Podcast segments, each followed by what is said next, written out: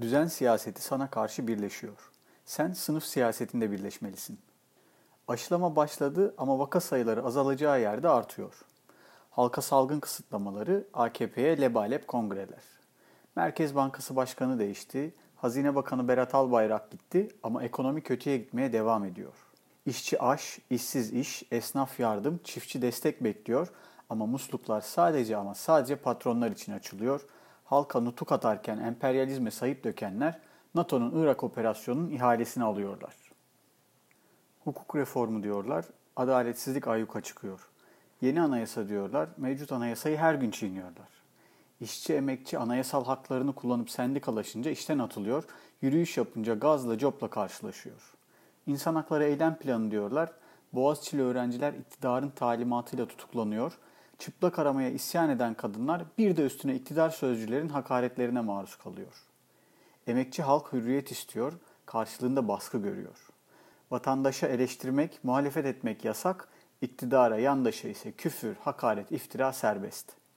Dikiş tutmayan bir sömürü düzeninin ve halkı baskı altında tutmaktan başka hiçbir yönetim becerisi olmayan bir istibdat rejiminin tablosu bu. Bu düzen, bu düzensizlik böyle gitmez, gitmeyecek.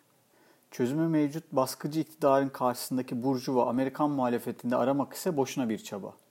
İşte AKP'ye karşı umut olarak pazarlanan İstanbul belediyelerinin makyajı işçiyle karşı karşıya gelince hemen akı verdi.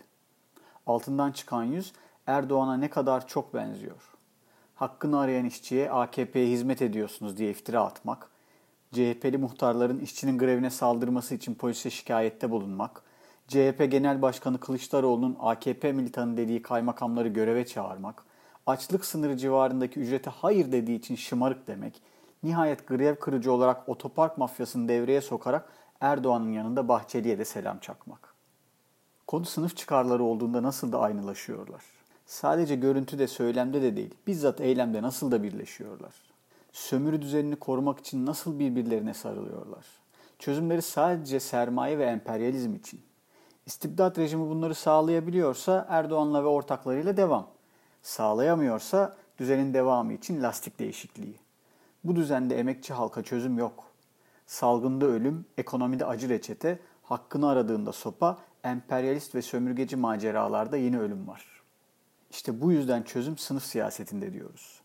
İstibdat rejimi ülkeyi çöküşe götürürken işçi sınıfı ve emekçi halk kendi bağımsız çözüm etrafında birleşmeli ve örgütlenmeli. İşçilerin grevlerinde, direnişlerinde, öğrencilerin isyanında, ekmek ve hürriyet mücadelesinin cap canlı alanlarında tutturulan ortak dil, paylaşılan duygular, birliğin hissettirdiği güç bu düzeni değiştirmek için neye ihtiyacımız olduğunu gösteriyor. Aynılar aynı yere, ayrılar ayrı yere. Daha önce kime oy vermiş, hangi memleketten gelmiş olursa olsun fark etmez. Düzenin bizi bölmek için istismar ettiği ne kadar ayrışma varsa hepsini aşmalıyız. Düzen siyasetinin karşısına sınıf siyasetiyle çıkmalıyız ve örgütlenmeliyiz.